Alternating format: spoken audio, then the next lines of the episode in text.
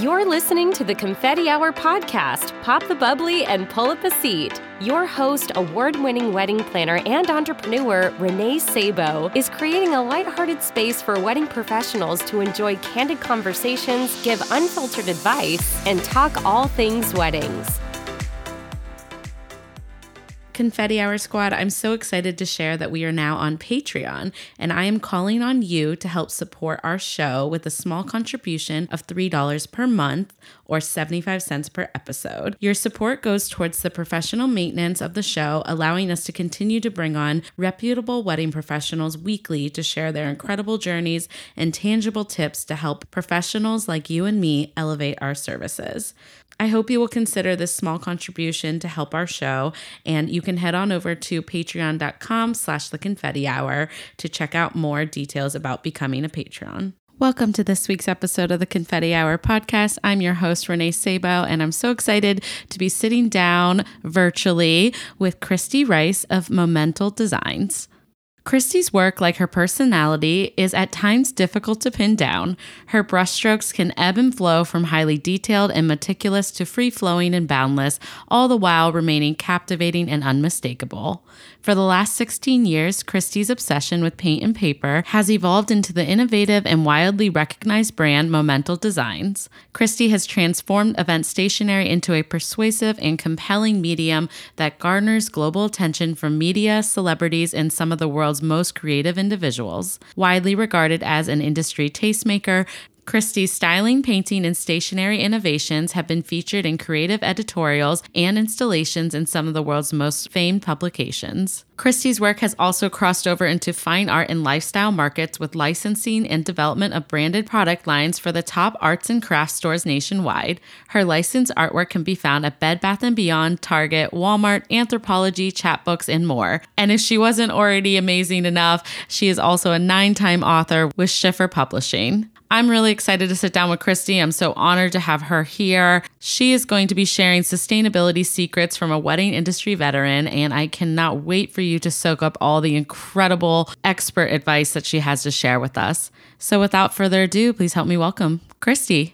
Welcome, Kristy. I'm so excited to have you on the podcast and thank you for taking the time to chat with us. I want to kick us off and just hear all about your journey and kind of what led you to this awesome career that you have. Well, okay, that's a big question, but I know. so, you know, my beginnings are not unlike many others in the industry, you know. I knew I had a talent. I knew I could draw. I knew I could paint. And I wanted to not be, you know, punching the time clock. I wanted to be the master of my own destiny, so to speak. and so when I graduated college, I have a degree in art education and, you know, finding a teaching job was super difficult and ultimately unsuccessful. and so I went to work in retail. I worked at Victoria's Secret of all places. I worked at Bath and Body Works. I was a manager for many years between those two places. But as an aside, super grateful for those experiences with the general public. Really, really um, powerful experiences and a lot of learning happened there. yeah, retail is definitely, I have a lot of retail experience too, growing like yeah. younger age, and it's really good experience. It is. Absolutely.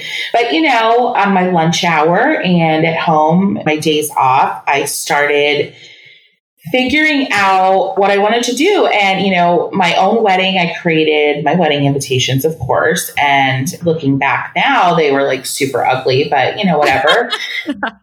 it was my start. It was my start. It was my catalyst.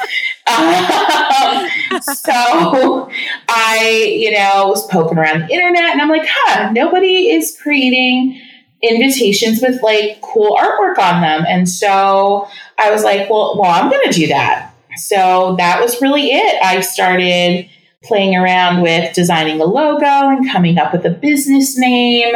And, you know, I had no money. So decided I was going to build my own website, which I did through some Microsoft product, a kit front page. Oh my gosh, Microsoft front page is what I built my first website in. I love it. which doesn't even exist anymore. I was gonna say, does that even still uh, like exist? So bad, so bad. Hey, but I got first page Google rankings with that website, so you know that's awesome. Okay. yeah, hey, we won't knock it then. Don't knock it, no. So, really, that is how I got my start. You know, working at my dining room table and taking orders that came in and making so many mistakes, like so bad. Like, I had a, a laser printer. My husband worked for IBM and he had this like junky laser printer that he got from work. And that's what I used to print the invitations. I'll never forget, like, there was something wrong with the printer. It was one of my first orders. And oh, no. yeah, and I was printing on vellum, which is like so temperamental. And the bride called me, and this was like an $800 order, which at the time was like a big deal, right? Yeah, yeah. Which, you know, $800 no matter what is a big deal. I'm not saying right. that it's not, but, you know, context. um, yeah, yeah. And the bride called me and she's like, Kristy, and she was so sweet. She's like, I don't know what happened, but all the wording is disappearing on my invitations. Oh, and I'm no. like, uh, you know, so it was, you know, learning moments like that, big, big mistakes happening, but I powered through and, you know, eventually got a team and got better printing partners, better printers.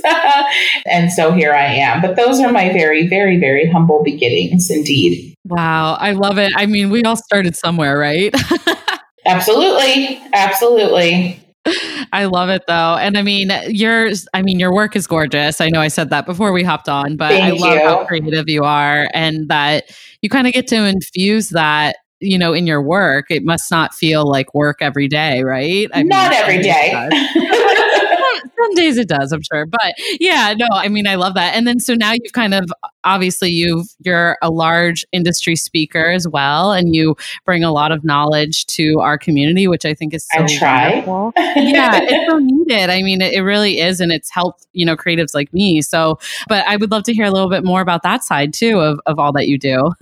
well, you know, I am kind of a curious member, so to speak, of the wedding industry in that I kind of cross a lot of different boundaries in terms of what I do on a daily basis. And, you know, one of the things I do is more fine art based. I do a lot of education, a lot of teaching in terms of finding your own creative path and navigating your own creative path, both, you know, wedding industry related and just fine art related. So, yes, I've done, I've had a lot of great speaking opportunities. I've spoken at Engage several times, which I love my Engage family so much. So got to give a shout out to them.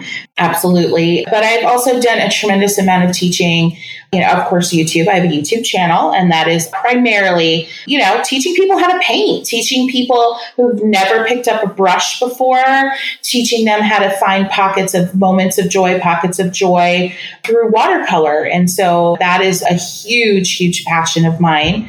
And then I've also done more, you know, more quote, serious workshops regarding painting with outlets like Craftsy and Creative Bug, which are two very well known kind of subscription services for arts and crafts education. Wow, that's so, so cool. done a lot of stuff like that, a lot of podcasts, which is always an honor. So I think it's important. You know, I've built a team over the years. I currently have seven full-time employees still. Amen and hallelujah.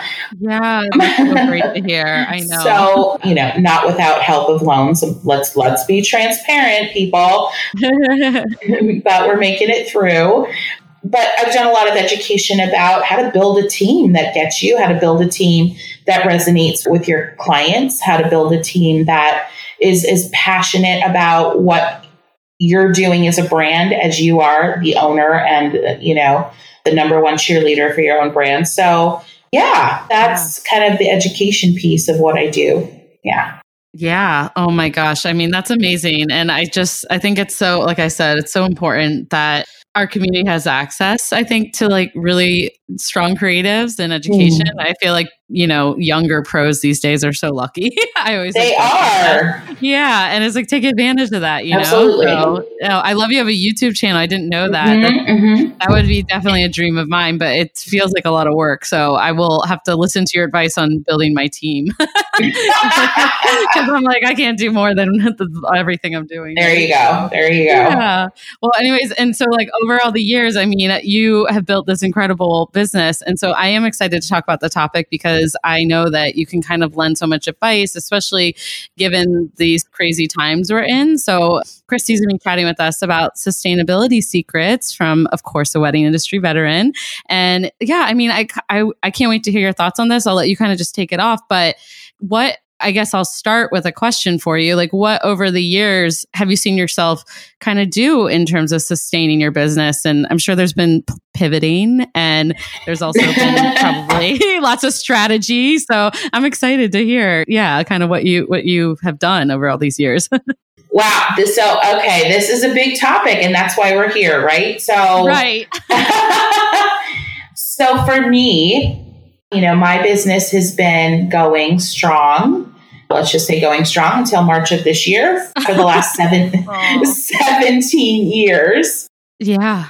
And so while my business has remained profitable for, you know, of course, you know, the first couple of years, what business is profitable, but my business has maintained profitability for the duration, which is amazing and a huge blessing. However, it has not come without massive challenges, very scary quarters along the way, all of that stuff. So my business is not immune to all of the roadblocks, hiccups, and scary moments that come along the way. Right. So and it's hard to as a small business, right? Like yeah, be yeah. It's reality. You know, I didn't I didn't really realize how much reality there was out there until March of this year, but you know, same. yeah. Good night. So for me, sustainability has a lot to do with managing your money and managing your bottom line. And it's not a fun topic, it's not an exciting topic, and it's certainly not a topic that, you know, is terribly for a lot of us is terribly inspirational, but it's a reality. It's a real topic. And so I think being incredibly strategic about how you manage your finances in your brand about how you spend your profit, about how you pay your own self and your own business. Those are all the keys to sustainability. That's kind of the, you know, that's kind of like the foundation of a brand being able to stick around for a long time. And I learned a lot of that the hard way. So, and all of that doesn't just mean you got to watch the you know the the dollars and cents. What part of that means is you've got to watch what you're being distracted by. You got to be mindful about what is keeping your attention away from what really matters in your brand and so I'll tell a little story. I'm a storyteller. I love it. so in 2013, and I've told this story in other podcasts. So those of you who might be listening, you're like, oh, here she goes again with the 2013 story. No. So it's okay. I haven't heard it yet. So okay, my listeners have it. so in 2013, my team was involved in a very, very high profile wedding, the sort that you know, just kind of knocks your socks off and just spins you around and you don't really come down for it for a very long time. And so, you know, I went into this kind of uh, I'll call it a hibernation of sorts. Not that I wasn't completely invested in this project, but what I realize now, being on the other side of it for several years, is that I was completely hibernating from my other responsibilities in the business during that time. This was, you know, this was a $10 million wedding in terms of their overall budget. So you can just imagine what their stationery investment was. I don't say that to brag at all, but what I do say is that managing the bottom line of that project, making sure that we were profitable for that project, not to mention managing a very, very demanding client almost 24 7 for the better part of seven months, completely and utterly distracted me from the core of my brand, the bread and butter being my everyday clients completely distracted me. And so I started working with this client in January. By the time their wedding took place in June, I think it was June. I think their wedding was June, June or July. I had completely uh, detached myself from, you know, everyday bookings of our bread and butter clients, from marketing, from all of it, from PR, I was completely absorbed in this other project. Now, this is an extreme example, but I think we all can relate to this example having been distracted by something that we deem to be a really big deal. But then you may come out of it on the other side realizing that you fell short in other places that were just as important. So, for example, coming out of this project, we, you know, it was June, July, going into our fall season we had the most horrible, unprofitable fall season that year. So we had made tons of money for the first seven months of the year. Thank God, because we needed it for that fall. Because and I had realized our bookings went down. We weren't getting the, you know, the press features. We weren't, you know, all the things that I was ignoring. Even though I had a team, I wasn't managing the team either. And so I think distraction is huge. If you want sustainability, if you want to become a veteran, if you want to be able to say you've stuck around for a decade or more, you've got to be really, really zoomed in on what you're being distracted from and trying to prevent that distraction.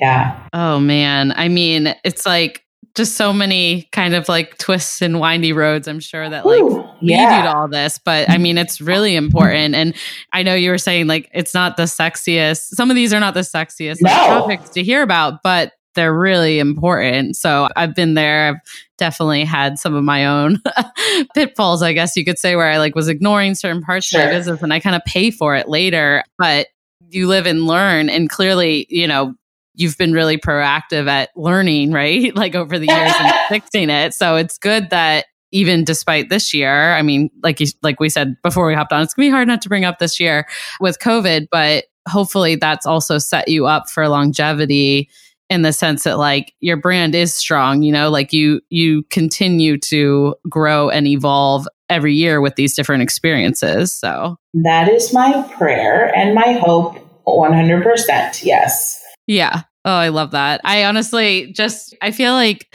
being an entrepreneur sometimes feels well, it's really exciting and then sometimes it feels super stressful because you have to constantly be thinking about these things. And so I'll give an example too to add to yours. Like yeah. after my first year in business, I had way too many clients, was priced definitely lower than probably what I was worth. And no, definitely, I don't even say probably. And you know, that's kind of the struggle, like learning your your worth and learning your profit and like kind of you know, learning about the non sexy side of your numbers.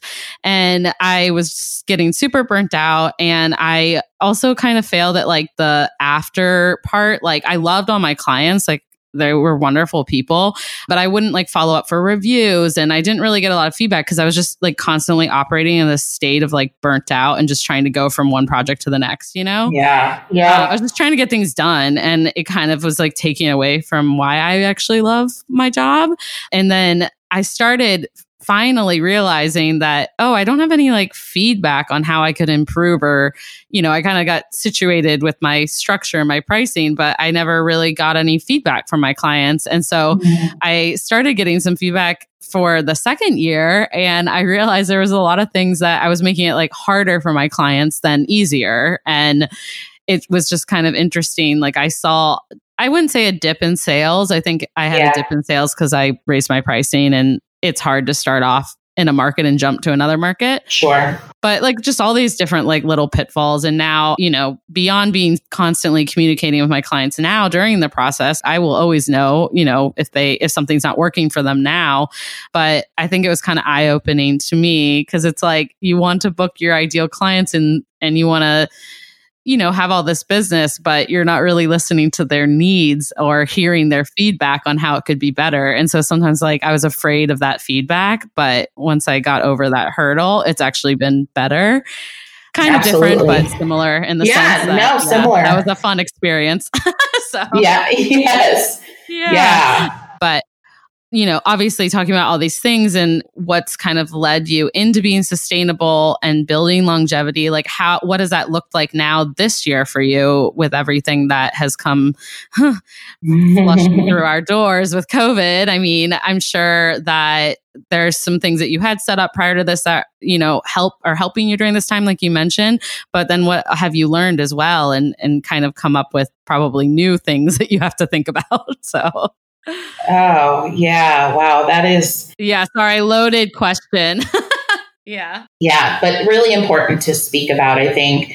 So, you know, going into, let's say, the COVID season,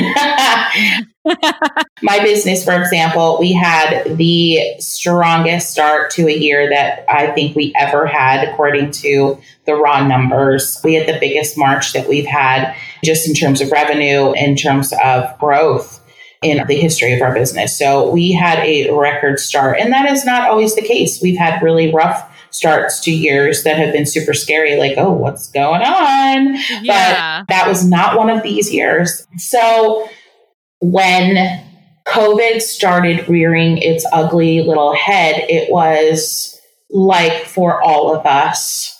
I feel confident in saying for all of us, I feel confident in making that generalization it was a huge slap in the face. It was a huge, it was a tears and, you know, crying moment for a lot of us. It was a true scary moment. It was the kind of scary moment. And I think what I'm about to say is going to resonate with most of my industry colleagues it was the kind of moment that we all worry about happening that has never happened to us, but then it happened. It happened, you know? And so, you know, coming up out of that fog took some work for me personally, but I came up for air quickly.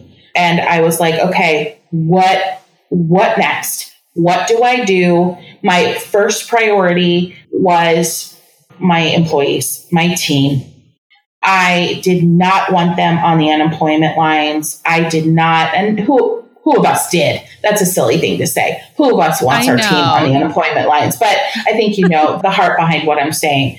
And so we had enough revenue still coming in, trickling in. We had enough kind of put away. We lasted for a little while. Let's just say that. You know, we, we oh, were able yeah. to keep everybody working for a little while. We are, as stationers, we're in an interesting and at times better position than others in the industry, planners like yourself, photographers, in terms of we already had a lot of our first half of the year revenue in because we're we're, we're right. stationery designers. So that was helpful not going to hide behind that that blessing at all. And we still had folks moving forward at that time with their stationery and still thinking they're having their weddings. So that carried us through. PPP came through, thank goodness.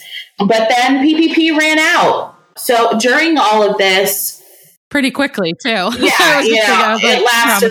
It lasted us like two and a half months. So and so during, let's say, the PPP era of my business, it was a lot about okay, what next? Are we going to just get more loans?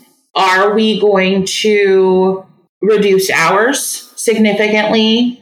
What are we going to do? And so we very quickly, because we had already been approved for the EIDL loan. And I think it's important. I know I'm going into the nitpickiness, the nitty gritty of this, but I think it's important right in this moment for me to be incredibly transparent. Yeah, no, I think it's so helpful and more people need to be. So I'm, very yeah. appreciative that you're going into the nitty gritties because like we, so, we need to get real here, you know? Like yeah. this is, this is getting this is a tough year, you know? Yeah, but I think this year it's going to it is teaching us so much. And for those of us that come out on the other side, we will be damaged. We will be broken a little bit. We will be bruised, but we will be so much more powerful. We will be the force that we've always wanted to be reckoned with. okay. Yes. Like oh, we seriously yeah. will be. Okay. So we were approved for EIDL. And we were like, are we going to do this? And so very quickly and instinctively, my husband and I, my husband is a partner in my business. We said, we are going to take this loan. And it's a significant loan. But we were like, we are going to invest in the business this year. We are going to put our fear out on the line. We're going to take a leap we're not going to reduce hours because we still had work coming in at this point. It was about, you know, it was about a fifth of what normally comes in, but it was still work. And we still had front end work that needed to be done for our future clients, for our 2021 clients that were still actively moving forward. We were still booking clients, albeit at a much lesser rate, but we still were functioning. So we looked at it and we were like, if we start cutting hours significantly, we are not going to be sustainable. We are not going to be able to, to capitalize on what work we do have in the proper way. And so we were like, nope, we're taking the loan. And so it was terrifying. It still to this day is terrifying, but we did it. And I am at this point today can say I am so happy we did. But we quickly came up with a strategy of how we were going to function for the next year, not for the next three months, not for the next six months, but how we were going to function for the next year. It was all about the next year. We were really looking long term, just assuming kind of worst case scenario with COVID.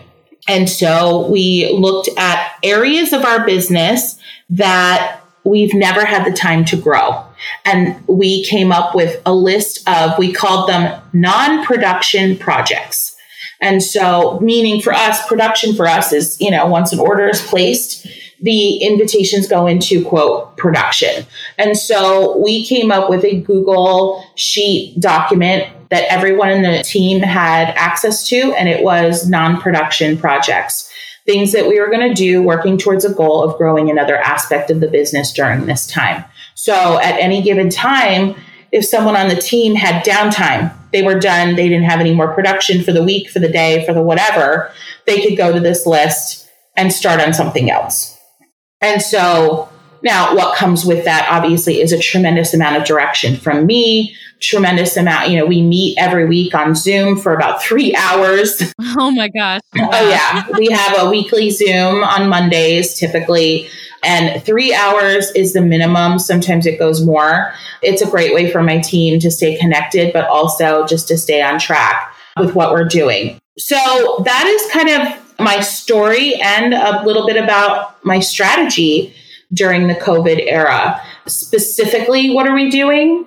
I have another brand called KristyRice.com. And that's where I do and sell all things that have to do with my fine art. We have put a lot of effort into growing that brand. We have seen several hundred percent growth in that brand. Now, granted, it's several hundred percent growth in that brand over last year because we did nothing with it last year. So I'm not saying that, you know, this new brand is sustaining us in any kind of total way, but we're seeing a lot of opportunity there.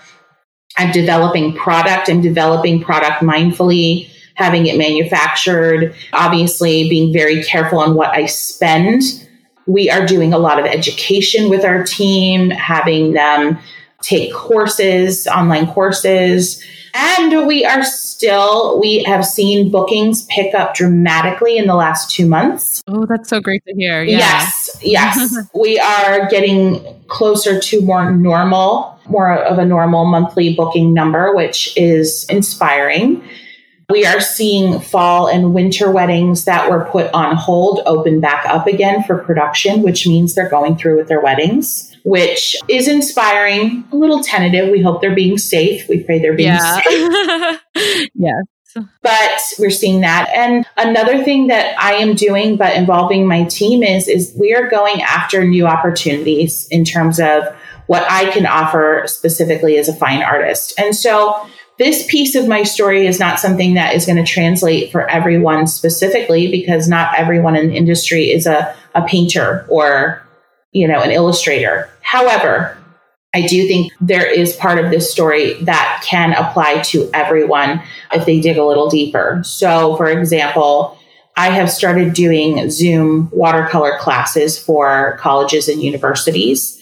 For, you know, colleges and universities are in a pickle just like everyone else. Yeah. They are looking for ways to engage their student body with, you know, welcome week activities they are looking for ways to make the online learning experience more dynamic.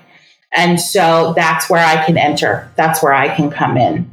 I've been doing Zoom watercolor classes for not for profits, for corporations that are still super profitable right now. So there is opportunity out there. This is going to sound super cliche, but you have got to get out of your head with the scary stuff. You've got to wake up.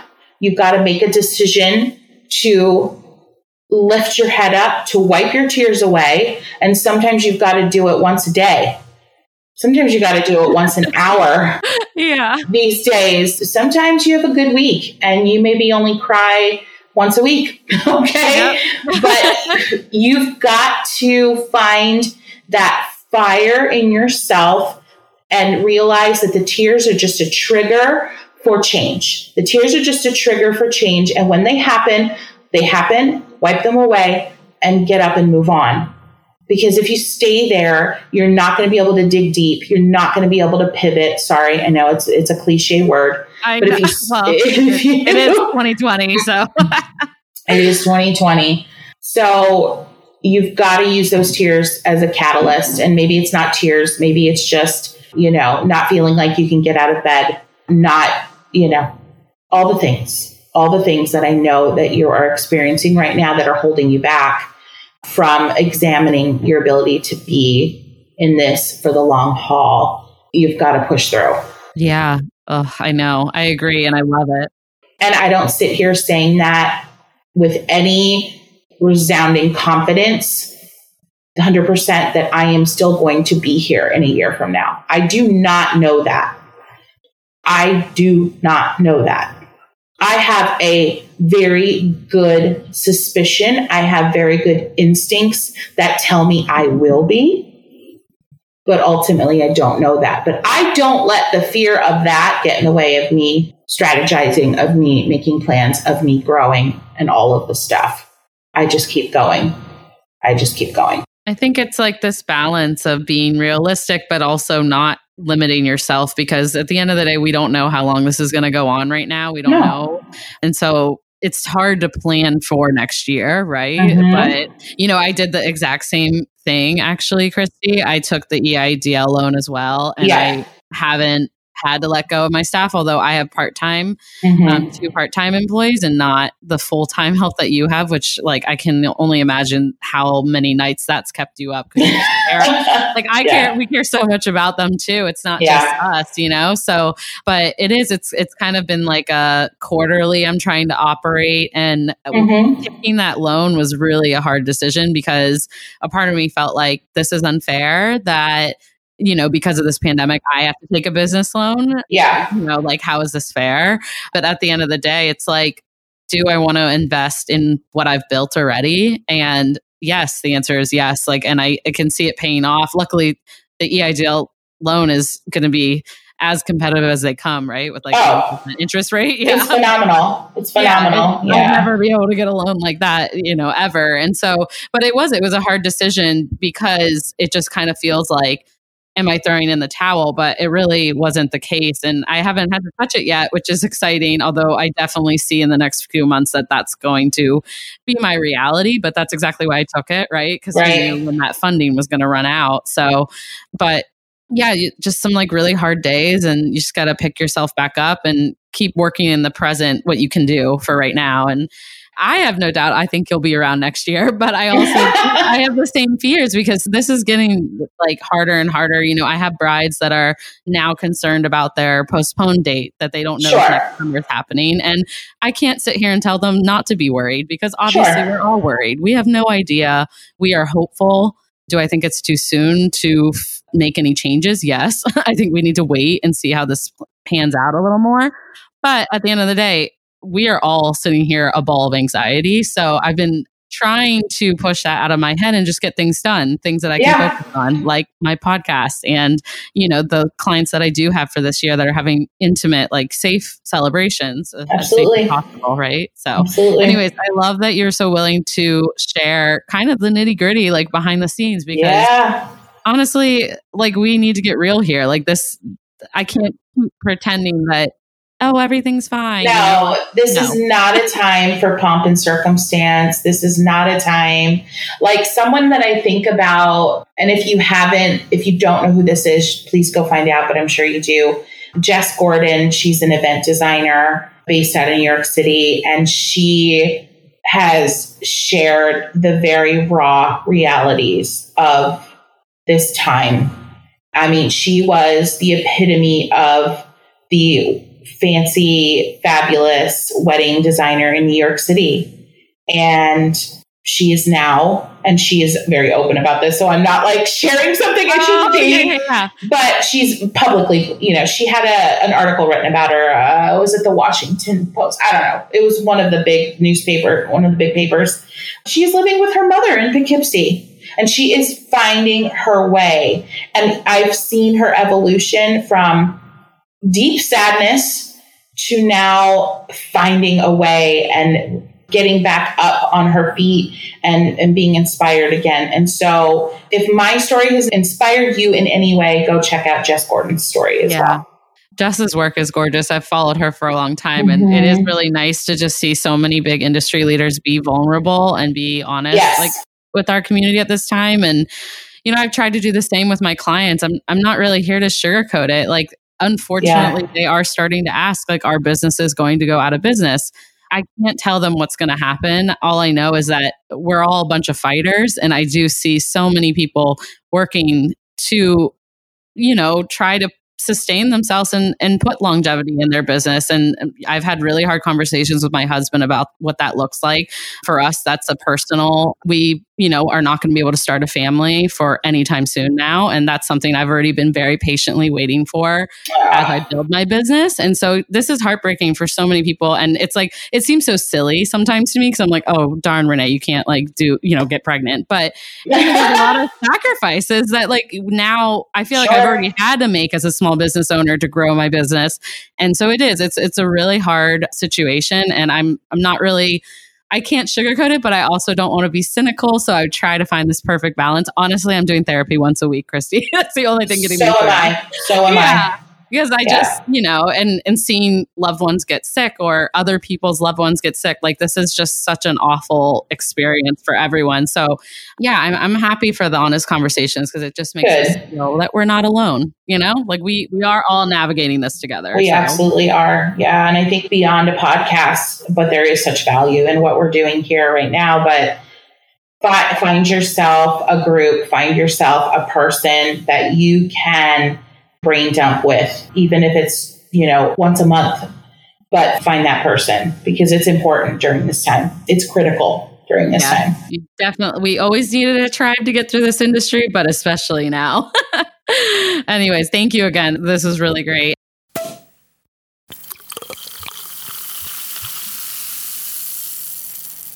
The Wedding Client Experience Academy is the newest educational offering for wedding creatives designed by Lynn of Lynn Resnick Photography. As a former high school teacher, Lynn has put her educational background to work in creating the academy, ensuring that each lesson uses various learning styles. Inside the Academy, Lynn will break down the four pillars of an exceptional client experience so that you can elevate your business by transforming how you attract, serve, and delight your ideal couples. Each lesson also includes brainstorming and implementation guides so that you can apply what you learn and make tangible changes to elevate your business. As wedding vendors, we work really hard to please our couples and we care deeply about the businesses we're building. But often, as business owners, we hold ourselves back from serving our clients in deeper ways because we fear the investment of time or money that we simply don't have. The truth is, creating an exceptional client experience doesn't have to be costly or time consuming, but it does require intention and action. No matter where you are in your career, by learning and implementing the four pillars, you can elevate the ways you serve your couples. And that impeccable client experience will in turn elevate your business. The Wedding Client Experience Academy doors open on October 6th. To learn more about the four pillars, find out your learning style, and sign up to save 30%, visit lynnresnickphotography.com and click Academy. And so I'll, I'll, kind of move us into the next part because I feel yeah. like you're going to have something good. I always ask my guests kind of what you wish other vendors knew or what you wish other creatives knew. And I don't know if something comes to mind. I mean, I feel like you kind of shared a few things already without even knowing, but. Mm, what I wish they knew. okay. What I wish they knew or what I wish they would pay attention to because planners, photographers, the flower designer, all, all of all of you lovely, lovely, lovely souls. You are you are artists. You are. Your medium is different than mine. I have a traditional palette and brush and whatnot. But you need to feed that piece of you, that part of you. You need to feed it. You need to feed yourself as an artist. Maybe you don't need to do it every day, but you need to do it. And if you're not, you are shortchanging yourself. And that certainly ties into part of what I do as a fine artist with education. I believe in making art for the sake of joy. So I have a hashtag, it's art for joy's sake. Just one S, art for joy's sake. okay. Yeah. It is not. Now, I run into a lot of folks that have been painting for years, have a true passion for it, and specifically want to get better in their painting. But what I have designed and the mission behind Art for Joy's Sake is for non traditional artists to light a fire under their creativity. And so, what that means as a, let's just take you for example as a planner are you also a designer just a plan not just a planner yeah i do do design and okay. i'm actually very careful with that though because there's sure. so many different types i'm not doing florals or anything okay. like that so. so you are a planner designer what you do you know it spans from strategy logistics to visual communication right so you are an artist your medium is everything linens, floral, lighting, sound. That's your medium, that's your paint, right? So right. there's such value for you, for example, to sit down with a pan of watercolor paints with a brush, with a piece of watercolor paper, and to just splash around and play with it. And I know it sounds juvenile, it sounds ridiculous that no, you could actually that you that you could actually gain from something from that simple experience. But this is what I wish creatives in the industry knew is that there's something that happens when the brush hits the paper and the color explodes on the paper. There's something that engages in your brain. There's something that engages in your soul and it connects to your own personal art. It engages that whole path of thinking. So what I wish my fellow colleagues in the events industry knew is that they should be sitting down and painting every once in a while. That's what I wish they knew. I love that. I do. I really so, love that. Because I call watercolor, I call it colorful breath, a fresh breath. It's a deep breath. It's a colorful, deep breath. That's what it does for you. The same thing that a deep breathing that mindful breathing does for your body and for your brain and for your cells. It oxygenates your cells Watercolor does the same thing. And I have half a mind to start doing some actual research on that because I believe that watercolor has that potential. It has the potential to oxygenate your cells. And what happens when your cells are oxygenated? You, your brain opens up, you start, your creativity goes off the charts.